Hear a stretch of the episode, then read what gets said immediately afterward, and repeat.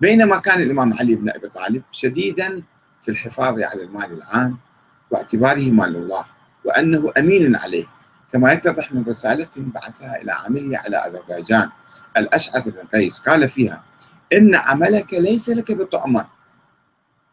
يعني مو قاعد أنت تأكل بهذا العمل تستفيد وتستغل موقعك وتلعب بالأموال العامة ولكنه أمانة في عنقك والمال مال الله. وأنت من خزاني عليه حتى تسلمه إلي إن شاء الله. وعلي لا أكون شر ولاتك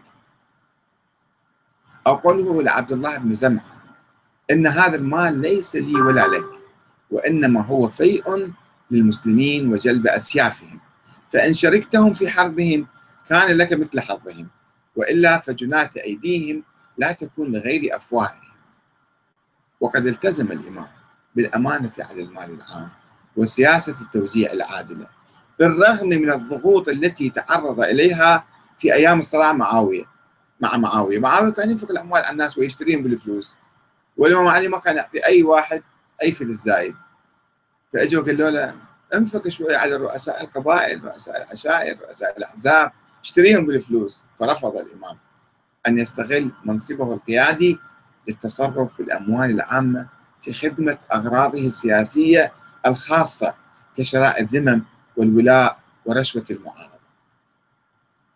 وذلك عندما أخذ بعض زعماء القبائل يتململون من سياسة العدل والمساواة التي اتبعها وبدأوا يتمردون عليه ويميلون إلى معاوية الذي كان يوزع المال كيفما يشاء.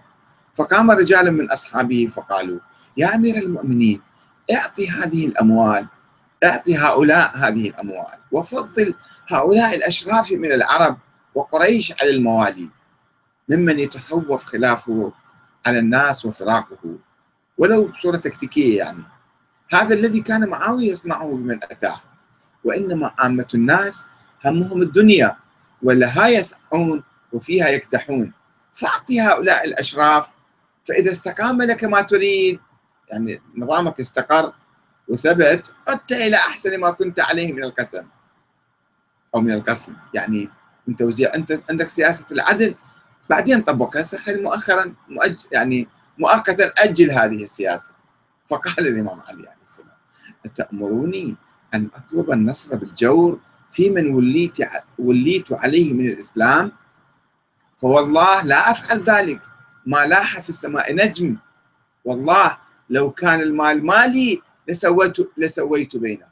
فكيف وإنما المال مال الله؟ تعرفون